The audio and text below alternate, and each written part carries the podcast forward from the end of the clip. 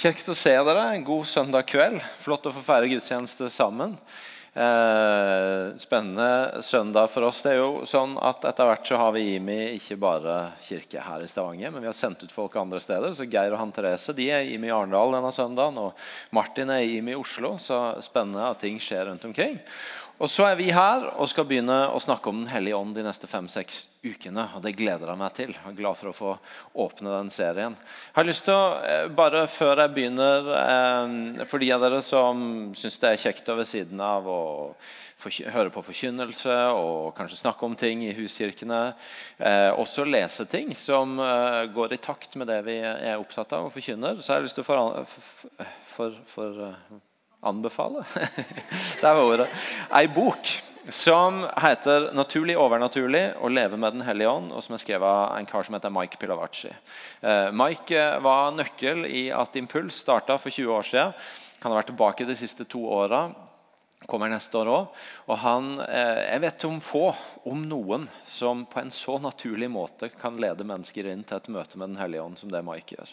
Eh, Senest på Impuls nå i vinter, en nydelig lørdagskveld hvor uten noe hype og uten noe masse føss rundt, så tar bare Mike og leder mange unge mennesker inn i en, et møte, en erfaring med Den hellige ånd. Og I denne boka har han sammen en venn som heter Andy, skrevet eh, en veldig sånn praktisk, eh, konkret, enkel bok om ikke bare om hvordan du kan møte Den hellige ånd i et møte, men hvordan du kan leve med han i hverdagen.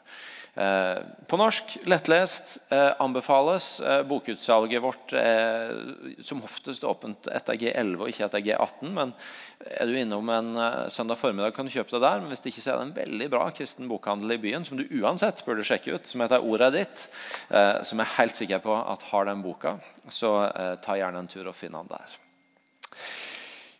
Vi skal ha en serie som heter Kraft, og som handler om Den hellige ånd. Men jeg skal begynne med et annet ord. Ikke kraft, men ordet vent. Og eh, Jeg vet ikke om det er et ord du liker, eller om den dimensjonen av vente er noe du syns er stas. Eh, det kan jo være litt individuelle forskjeller. Personlig så er jeg ikke en fyr som setter spesielt mye pris på å vente. Jeg syns, eh, jeg syns egentlig ikke noe veldig om det. Hvis jeg har satt meg noe fore, så liker jeg å få gang på det. Og jeg er en av de som sjelden får til å ha meningsfulle samtaler, f.eks. i køer på veien til konsert eller forestillinger. Eller sånn. Det er jo noen som ser ut som de bare koser seg. Jeg står bare og flakker med blikket og venter på, for jeg skal jo inn. Eh, og, og opplever ventetida som litt meningsløs. Eh, venting, Det å vente det er jo ofte noe som når det skjer, er litt sånn litt ulogisk. Det er ofte kan oppleves litt sånn unødvendig. Eh, noe som, som, ikke uten videre vi kanskje opplever som noe positivt. For eksempel, så kan jeg jo nevne som en historie når jeg for det som nå etter hvert er en god del år siden, eh, var i Stockholm med Hildegunn. Da var vi verken gift eller forlova ennå, men eh, etter min plan så skulle vi bli forlova i løpet av den turen. Jeg skulle fri. Eh, og tok med Hildegunn eh, på en eh, helgetur til Stockholm. Eh, det var, det var en av de anledningene hvor det skulle på en måte være en overraskelse, da, men det, hvis vi skal være helt ærlige, så hadde det vel vært en større overraskelse om vi kom hjem og ikke hadde fridd. Både for Hildegunn og omgivelsene, men, men det var en overraskelse. Eh, I hvert fall, Vi dro dit, og, og eh, Stockholm hadde ikke vært der før. Flott by gikk rundt der. Jeg hadde ikke gjort hjemmeleksa mi og googla topp ti steder å fri på i Stockholm. og hadde ikke vært i byen før, Så jeg landa med friskt mot og tenkte det må la seg gjøre å finne et bra sted å, få unna dette på. Eh, og, og, en flott Det var en flott by, og vi vandra rundt der og spiste godt og så gode ting. Eh, fredagskvelden gikk fint. Lørdag formiddag ute og litt sånn shopping og kafé. og alt sånt. Så begynner lørdag ettermiddag å komme og begynner å liksom eh, gå opp for meg at nå er det på en måte, nå har du en kveld igjen til å ha en sånn type feiremåltid for at forhåpentligvis fikk ja. Så nå begynner det å haste. Og Det kommer til det punktet hvor liksom, vi vandrer rundt der i Stockholm og jeg hører at Hildegunn går og humrer litt ved siden av meg, for hun skjønner at nå leter han. og, og Til slutt så lander vi oppe ved Slottet i Stockholm, og vi sitter på en benk på plassen der. og og jeg tenker at eh, nå må vi jo bare få gang på det. Så jeg er ned på kne, og det er da Hildegunn griper inn og bare Nei, nei, du må vente! Du må vente! fordi at hun har ikke tenkt å bli fridd til mens 20 turister står og ser på. Jeg er klar til å ta bilde. Og den, den, den, veien når du har fått beskjed 'vent', og så Ja. Ja vel. Det er liksom men eh, heldigvis så gikk de, og så fikk jeg, fikk jeg kommet meg ned på kne igjen. Og jeg fikk sagt at jeg skulle, og jeg fikk et ja. Vi fikk, fikk feira middagen vår, og alt det der det gikk bra. Poenget mitt er det er ikke alltid stas å vente. og, og um, det kan en fortelle om i sånne litt gøyale historier som det, eller i hverdagslige ting når en står i kø. eller sånne ting. Men det kan jo også stikke veldig mye dypere. og Irene toucha det i responsen på lovsangen. ikke sant? At du kan befinne deg sjøl i situasjoner eh, og, og, utfordringer hvor du opplever at her, her har jeg ikke løsninger. og, og jeg, har ikke noe egentlig redskap til å, til å gå videre eller til å komme framover. Jeg er på en måte overlatt til å vente. Og i dette tilfellet som Irene sier, til å tro Gud for en forandring jeg sjøl ikke kan skape. Og det, det er jo et altså Det er en situasjon som kan være krevende, som kan være utfordrende, men samtidig det vi er gitt, det er å vente. Og så er det sånn at Når vi møter disiplene i starten av apostlenes gjerninger, etter oppstandelsen som vi nettopp har feira, så tenker jeg at da møter vi en gjeng som på mange måter du kan tenke at å be de om å vente, det gir ikke så veldig mye mening. For de har jo de har gått tre år med Jesus, og de har sett han gjøre tegn og under. De har lytta til undervisninga hans, som var en undervisning med, med, med, med, kraft og med myndighet, og ikke lik eh, andre som underviste. Og De har på en måte sett all kraften som bodde i det livet Jesus kom med. Og så har de gått på den smellen det var, at det ble ikke som de trodde. Han, han endte på et kors, han, han døde, han, han ble lagt i en grav. Og så har de opplevd dette vanvittige mirakelet, at så er grava tom. og Så får de møte han som levende. Og så, og så, leser vi i Bibelen om hvordan over de neste ukene det er en god del mennesker som får møte han som den levende, og, eh, og som får være øyevitne til at ja, han er oppstått. Og du kan tenke at oi, nå er de her er jo virkelig en mulighet som en bare må gripe. Her er det litt sånn smi mens jernet er varmt-øyeblikk. Du har sett hva han kan gjøre, du har sett hva han brakte med seg. Han har stått opp fra de døde, og nå bør han jo virkelig rulle ut. Nå er det tid for å bare få ut misjonsteamet. For å sette opp noen svære møter. For å kan ikke si få gang på noen kampanjer i sosiale medier, for det hadde det ikke. Men et eller annet som bare utnytter momentet, og som griper denne situasjonen, og som tar fatt i det oppdraget han har gitt dem, nemlig dere skal gi dette videre til resten av verden. Og I stedet så leser vi i Apostlenes gjerning regn. Etter å ha lidd døden sto han levende framfor dem med mange klare bevis på at han levde. I 40 dager viste han seg for dem og talte om det som hører Guds rike til. En gang han spiste sammen med dem, påla han dem dette. Dere skal ikke forlate Jerusalem, men vente på det som far har lovet, det som dere har hørt av meg. For Johannes døpte med vann, men dere skal om noen få dager bli døpt med Den hellige ånd. Et vanvittig øyeblikk. I utgangspunktet et fantastisk moment til å ta oppdraget videre. Dere skal, dere skal gå med dette til verdens ende. Og like fullt så er Jesus sin beskjed nei, nei, nei, vent. Bli i Jerusalem og vent til dere tar imot den gaven som Gud vil gi dere. For da skal dere få Den hellige ånd. Og så sier han i vers 8 litt senere at dere skal få kraft når Den hellige ånd kommer over dere. Og dere skal være mine vitner i Jerusalem og hele Judea, i Samaria og helt til jordens ende. De får beskjed om å vente. Det er jeg har ikke helt funnet det gode norske ordet, men på engelsk så sier en counterintuitive. Det er, det, det, det er ikke det som intuitivt gir mening, det er ikke det en instinktet ber en om i et sånt øyeblikk. Men Jesus sier 'vent'. Og Dette er jo en dynamikk som ikke er ny på dette punktet i bibelhistorien. Men det er, jo, det er, jo, en spenning det er jo en dynamikk som du møter gjennom egentlig hele bibelfortellinga. Du møter det i skapelsen når mennesket får dette vanvittige oppdraget. Legg jorda under dere, bli mange, fyll den, gi alt av skapninger navn. Men i morgen er det hviledag. Når du, når du, på en måte bare har fått det oppdraget og, og antagelig er ganske gira, så bare Men du må vente litt. Det er det Gud sier til menneskene, til Adam og Eva, når de har fått dette oppdraget. Og I Moseloven så leser vi om hvor opptatt Gud er at de skal holde denne hviledagen hellig, sabbaten hellig. Det står helt tydelig og konkret selv om det er ting å høste på markene deres, selv om det står klart og all fornuft sier nå er det, nå er det tid for å høste. Dere skal holde hviledagen. Dere skal holde dere inne, dere skal hvile. Og så sier det siste i Moseloven, sånn at dere skal huske at det er Gud som helliger dere. At det er Gud som gjør sitt verk i dere. Og Når vi kommer til Jesus i evangeliene, så, så leser vi om hvordan disiplene kommer til ham. Hei, Jesus, du, det står masse folk der og venter på deg. Du må komme du må, du må komme i gang. De er klar. Og så Jesus bare ja, ja, det kan godt være de venter, men jeg skal bort og be. Jeg skal være for meg sjøl. Dere må bare vente. Og så er den spenninga, den dynamikken, ganske mange steder i Bibelen. Og nå møter vi den hos disiplene som nettopp har fått møte den oppstandende Jesus hvor instinktet sier det er tid for å gå, det er tid for å gjøre noe, det er tid for å handle. Men budskapet fra Jesus er vent. Vent og gi rom for den gaven Gud vil gi dere. For det er den som setter dere i stand til å gå det dere, på det dere har blitt bedt om å gå på. Vent og ta imot det Gud vil gi dere. Gud han vil gi oss av sine gaver. Der er et bibelvers i Matteus 7 mener jeg det er, hvor det står om dette her med Be, så skal dere få. Leit, så skal dere finne. Bank på, så skal det lukkes opp. Og så, og så bruker Jesus dette eksempelet med at når, når vi, som i utgangspunktet ikke, ikke er Gud, og som, eh, som, ikke er perfekte på noe som helst vis Når vi gir barna våre gode gaver, og så sier Jesus Hvor mye mer vil ikke Gud, vår far, gi oss Den hellige ånd?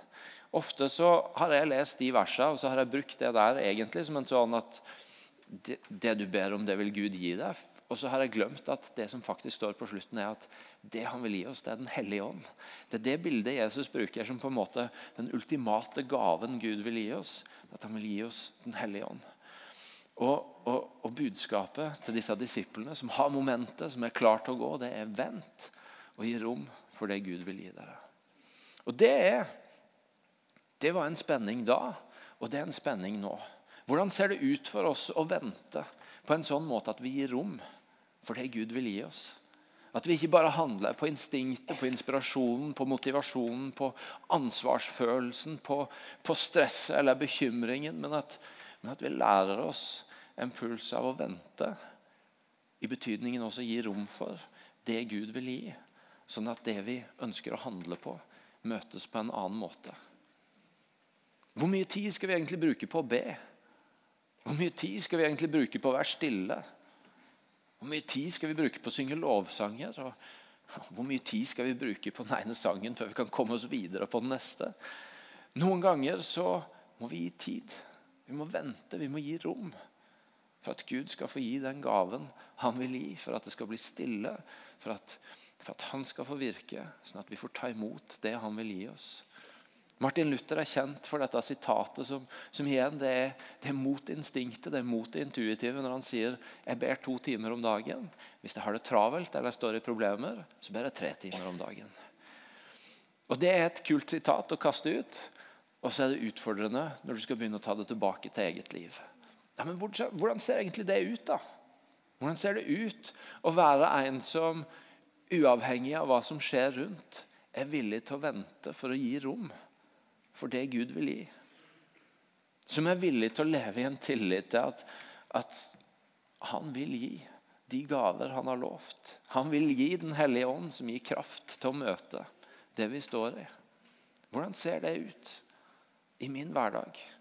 I kampen mellom ansvarsfølelse for alt jeg burde gjort, og en tillit til at han ber meg om å vente og skape rom for at han får gi, og at han får handle inn i livet mitt. Det er ikke alltid så lett å finne ut av. Men jeg tror det er utrolig viktig å finne ut av. Og jeg tror det er noe av det som er invitasjonen til oss i disse fem-seks ukene nå fram mot pinse, når vi har laget, rydda plass til denne serien om Den hellige ånd. At vi skal få øve oss i å vente, i å gi rom for, i å ta imot det Den hellige ånd vil gi i livet vårt. Jul har advent, som skal forberede oss på jul. Påska har faste, som, som, på en måte skal forberede oss på det, det, det påska bringer. Pinsa har blitt en litt sånn anonym høytid som ikke har den samme sånn opptakten. Men på mange måter er det det vi ønsker at disse ukene skal være. Eh, noen uker hvor vi, hvor vi, rydder et sånt plass til å, til å, øve oss. Ikke bare på å vente på jul og vente på påske, men til å vente på pinse. Og til å vente på å ta imot Den hellige ånds kraft, det han vil gi, på en sånn måte at livet vårt ser annerledes ut. Vi tror at alle som er som tror på Han, alle som er døpt, de har tatt imot Den hellige ånd. Og Likevel så ser vi i Bibelen at, at Den hellige ånd er ikke noe statisk, men vi ser at eh, folk som har blitt fylt av Den hellige ånd én gang, de blir fylt på nytt igjen og på nytt igjen. Det er ikke sånn at Den hellige ånd er ikke en sånn 'been there, done that'-greie. Men Den hellige ånd er en pågående prosess av å bli kjent med Han, av å bli fylt av Han, av å se mer av hvem Han er, som alle Enten du har hatt mange møter med Den hellige ånd, enten du, enten du, opplever å ha et nært vennskap med han, eller, eller du er litt der Irene var i starten, at, at, startpunktet er at han er Den hemmelige ånd, men jeg har lyst til å bli kjent med han, så, så har vi alle noe å gå på. Og denne, denne, eh, disse ukene så er vi invitert til gi rom for det. Gi plass for det. La det være ei tid for å vente på Den hellige ånd. Og Jeg har lyst til å utfordre deg litt sånn konkret på Bruk tid på hvordan ser det ut i livet ditt. Og, og, gi rom for at dette skal få være noen uker som handler om å bli bedre kjent veldig spesifikt med Den hellige ånd.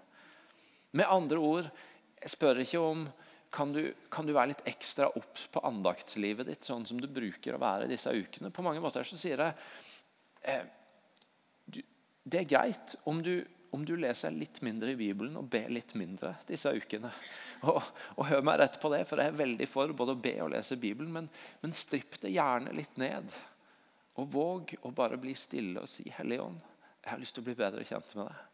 'Jeg har lyst til å ta imot mer av det du har å gi.' 'Jeg har lyst til å gi rom for ditt verk i livet mitt.' For meg er det mye lettere å fylle også min tid med Gud med, med, å, med å, lese bibelleseplanen min, med å legge på ei sånn bok, med å, eh, alle de greiene der. Men i denne tida så utfordrer jeg deg på tør å strippe det litt ned. Og gi plass til akkurat dette med å vente. Hellige ånd, hvem er du? Jeg har lyst til å bli bedre kjent med deg. Fyll meg. Hva har du å gi meg i denne tida? Jesus sa at, at jeg kan være helt trygg på at Far i himmelen vil gi deg. Men jeg har veldig lyst til å forstå mer av hva det er, og hvordan det ser ut i livet mitt. Vent, gi rom på han. Og så, rom for han. Og så er jo spørsmålet hva skjer når vi gir rom for Den hellige ånd. Og, og, og, Det står masse i Bibelen om Den hellige ånd. Det står masse om hvem han er, om hva han gjør. Uh, og Du kan ha mange undervisninger om det. og Heldigvis har vi flere uker. Så jeg skal i kveld på ingen måte prøve å Det, det som kommer nå, er ikke en sånn hellig ånd uh, grunnkurs. Jeg har bare lyst til å peke på to ting i konteksten av at disiplene fikk høre dette. Vent på Den hellige ånd. Eh, når de satt der med et ganske stort oppdrag om å ta evangeliet om Jesus og om hans rike videre til resten av verden. Og da tenker jeg at noe Det første jeg har lyst til å peke på, det er at Den hellige ånd gir fokus. Paulus skriver i Romerne 8, vers 5.: De som lever slik kjøttet vil, er bare opptatt av det som hører mennesker til. Men de som lever slik ånden vil, er opptatt av det som hører ånden til. For det kjøttet vil, er død, men det ånden vil, er liv og fred. De som lever slik ånden vil, er opptatt av det som hører ånden til. Og det ånden vil, er liv og fred. Noe av det som skjer når Den hellige ånd får rom iblant oss, når Den hellige ånd får rom i vårt liv, når Den hellige ånd får fylle oss og prege oss og snakke med oss, er at det skjer noe med fokuset vårt. Det skjer noe med hva vi er opptatt av. For når Den hellige ånd får jobbe i oss, så blir vårt fokus stilt skarpere mot det som er Guds fokus. Det som er viktig for Han, blir viktigere for oss når Den hellige ånd får virke i oss. Det skjer en dreining i fokuset vårt som gjør at det som er på hans hjerte, det kommer også nærmere vårt hjerte. Jeg vet at jeg kan få mitt fokus på veldig mange forskjellige ting.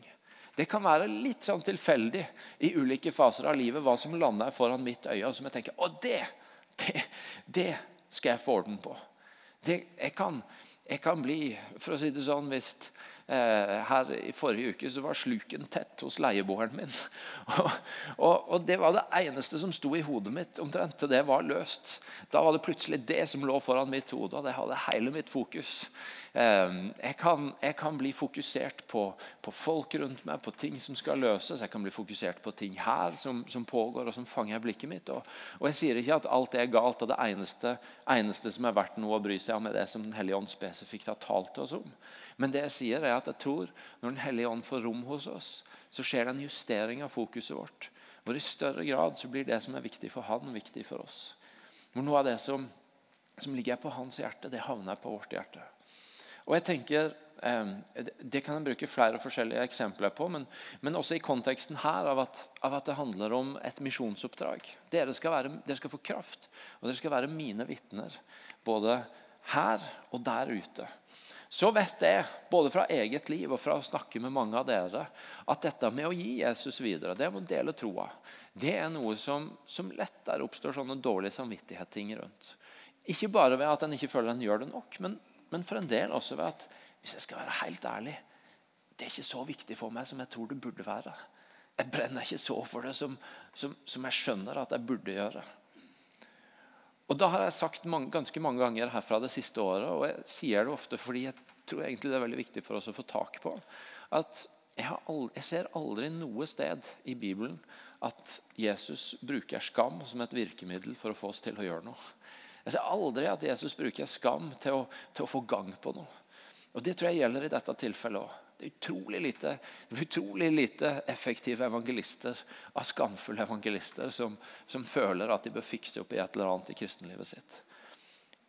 Men når Den hellige ånd får rom i livet vårt, så blir hjertet vårt og sinnet vårt og fokuset vårt justert opp mot det som ligger på hans hjerte. Og så får denne brannen som vi kan gå og kjenne på at vi burde ha, i stedet for å ta oss sammen for å få den, så får den lov til å vokse fram innenfra. Fordi Den hellige ånd gjør noe i oss og gjør noe med fokuset vårt. Og så er det spennende å se når Jesus står fram, fylt av Den hellige ånd. Vi leser i Lukas 3 og 4 om hvordan Jesus blir døpt, og Den hellige ånd kommer ned over han som en due. Eh, vi leser om hvordan Den hellige ånd fører han ut i ødemarka, så han blir testa av, av, av, djevelen. Og så står det om hvordan han i åndens kraft vender tilbake og Han blant annet kommer til Nasaret, hvor han var vokst opp. Og så står det På sabbaten så reiser han seg. Han leser fra en bokrull fra Jesajas bok, og han sier Herrens ånd er over meg, for han har salva meg til å forkynne et godt budskap for fattige.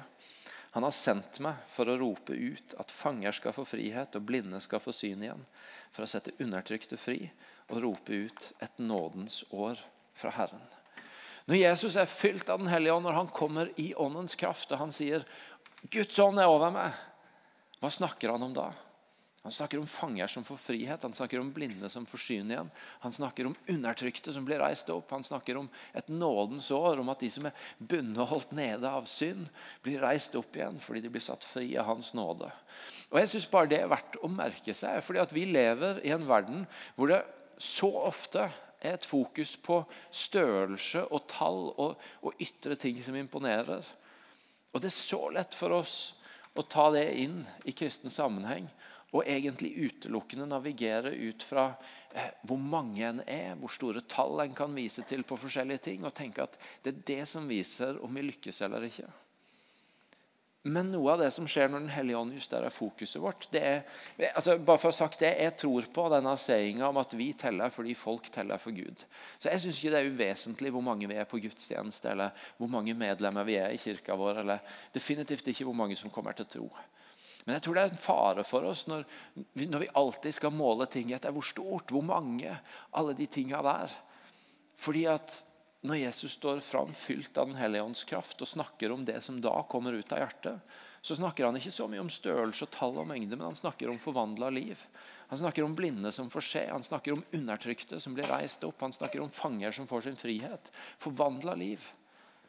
Og Noe av det jeg synes jeg liker jeg så godt det å treffe og snakke med mennesker som ikke uten videre kan skryte av at de står i en stor sammenheng, eller at de har masse tall og, og sånne med verdens øyne resultater å vise til, men som allikevel forteller historier om at de var lydige mot Den hellige ånd, og så fikk de se et liv forvandla.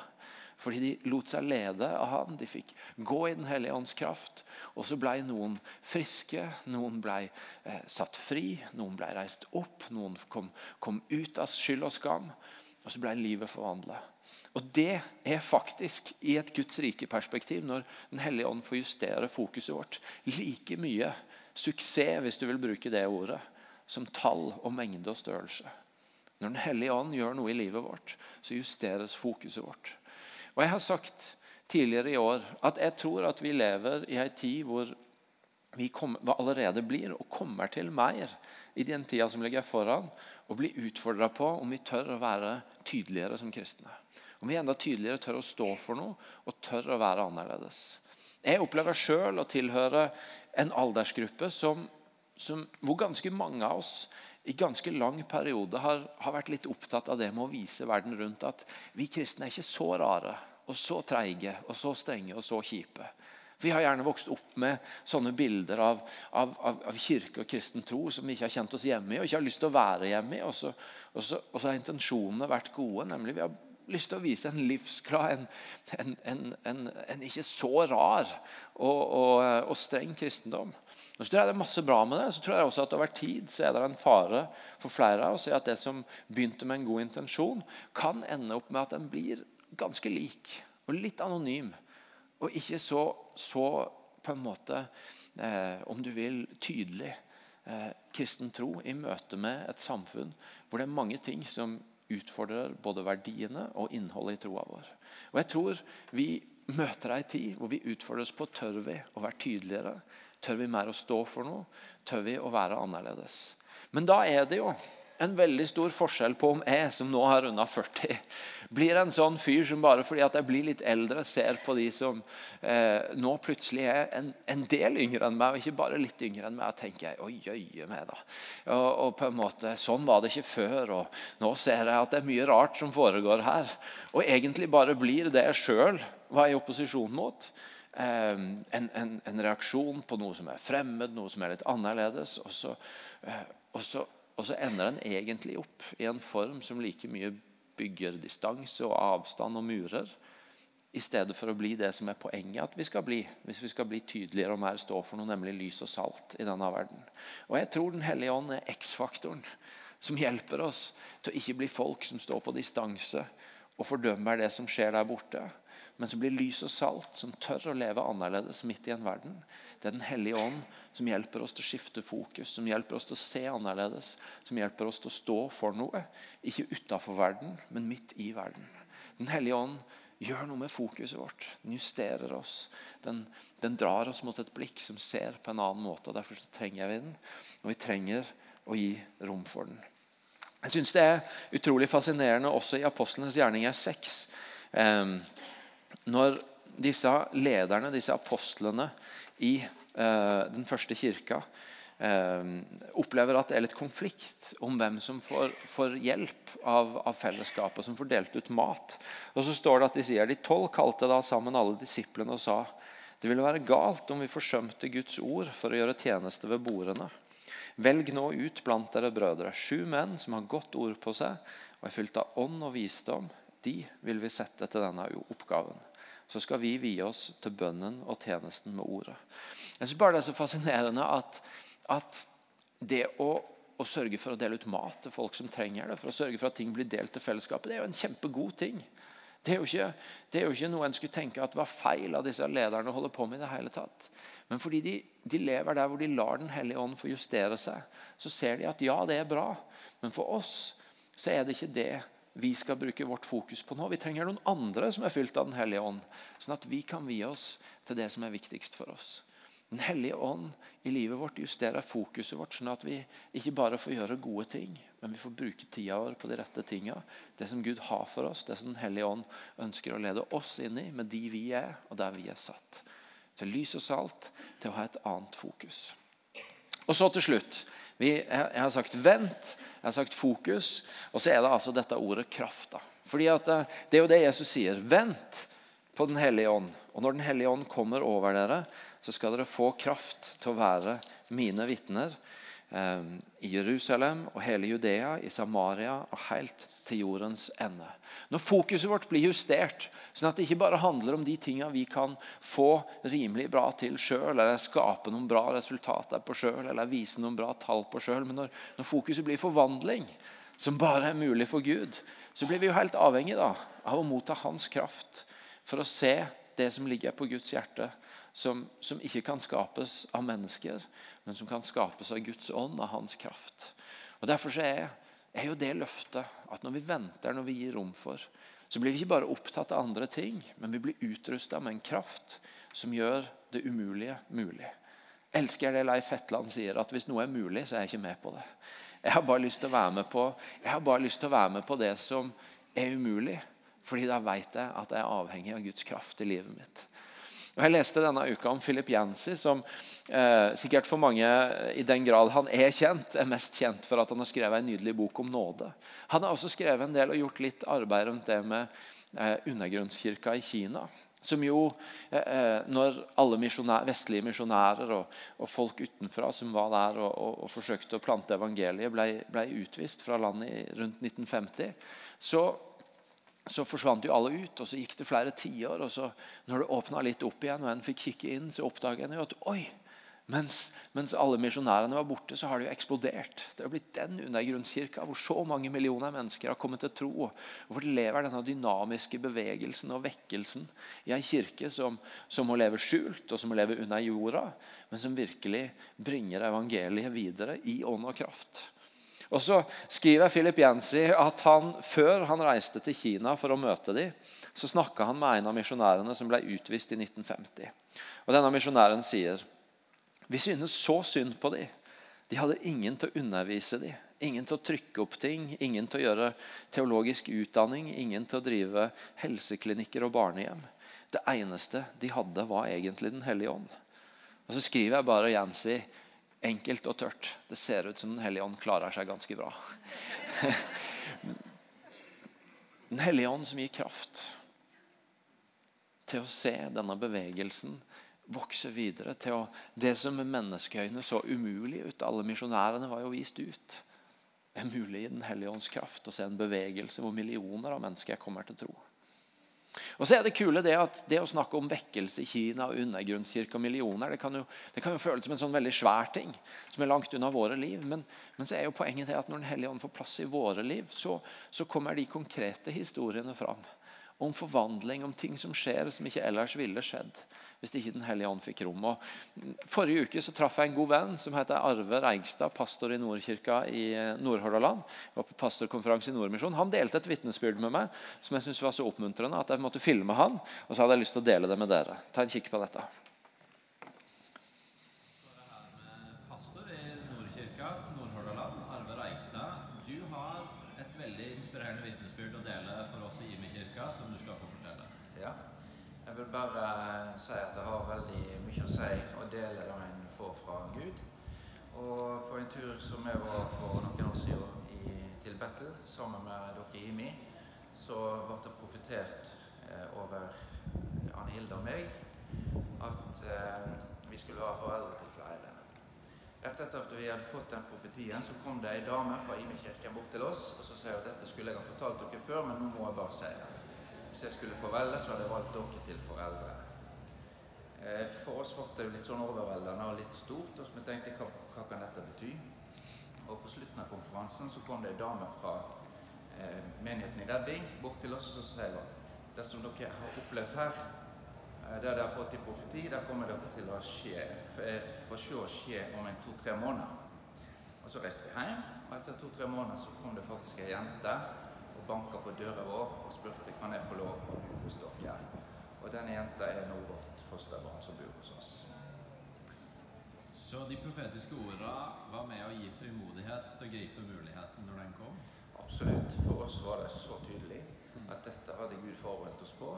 Så dette var det veldig lett å si ja til. Fantastisk. Tusen takk for at du deler.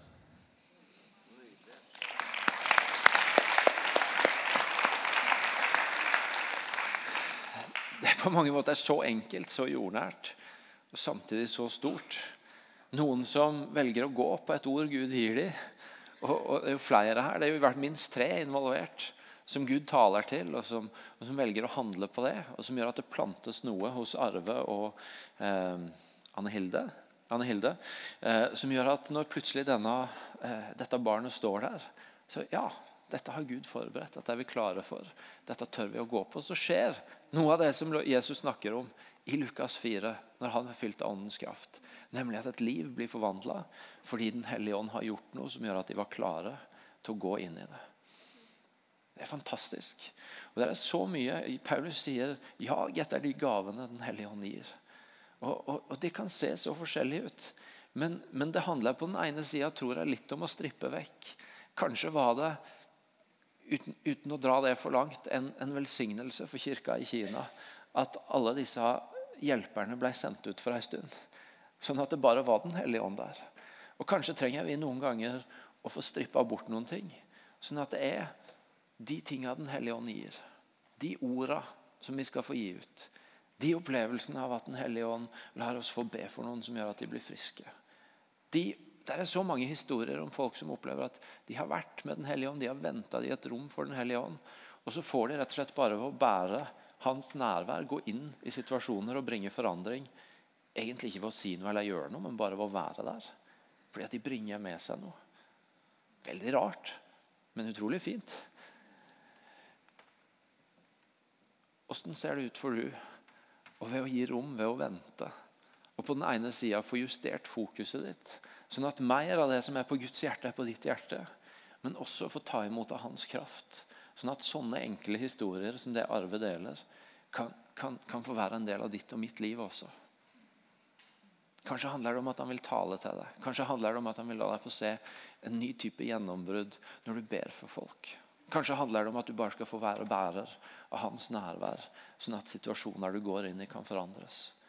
Kanskje handler det om at denne boka har vært uforståelig for deg, men plutselig blir forståelig fordi Den hellige ånd kaster lys over den. Men jeg har lyst til å utfordre deg på å vente, på å gi rom, på å gjerne strippe litt ned og bare la det handle om han for en liten stund. Og så se hvordan det skapes noe nytt i livet ditt. Hvordan et fokus skiftes, og hvordan en kraft får rom som gjør at noe blir annerledes inni deg og ut fra deg for omgivelsene dine. Skal vi reise oss opp og be sammen?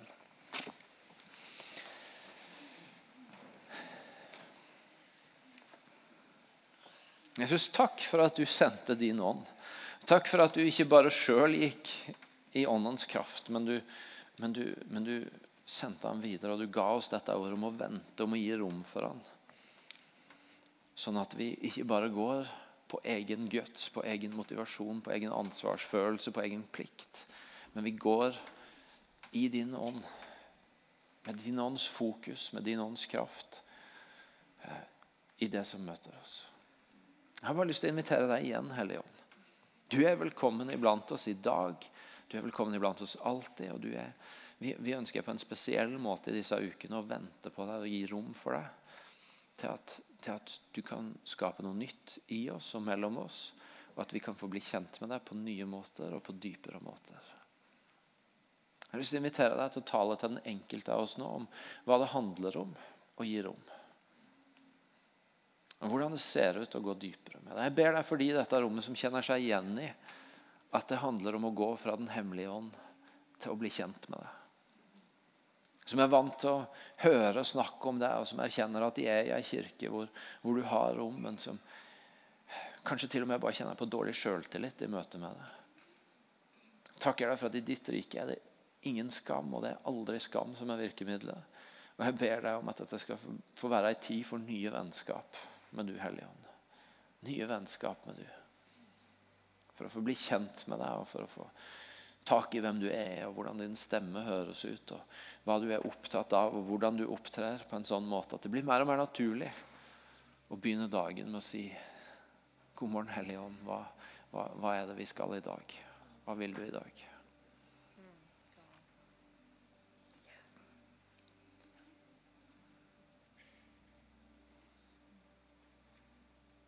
Jeg ber deg om at du bare lar oss få få bli kjent med nye områder. For de her inne som er vant til å høre disse historiene om, om om, om å, få ord fra deg, om å lytte til deg, så, eh, så ber jeg om at dette skal få være en tid for å bli, bli familiær med det. For å gjøre nye og første erfaringer av det. At du taler, at du gir ord. At det er lov å tørre å gå på det. Og hvis det går litt galt, så går det over, og så kan en prøve igjen. Men jeg ber deg også for de som er ganske vant til å høre fra deg, om at dette skal være en tid hvor du bare tar det inn i noe helt annet. Hvor du åpner opp en ny side av hvem du er, og hva du gjør.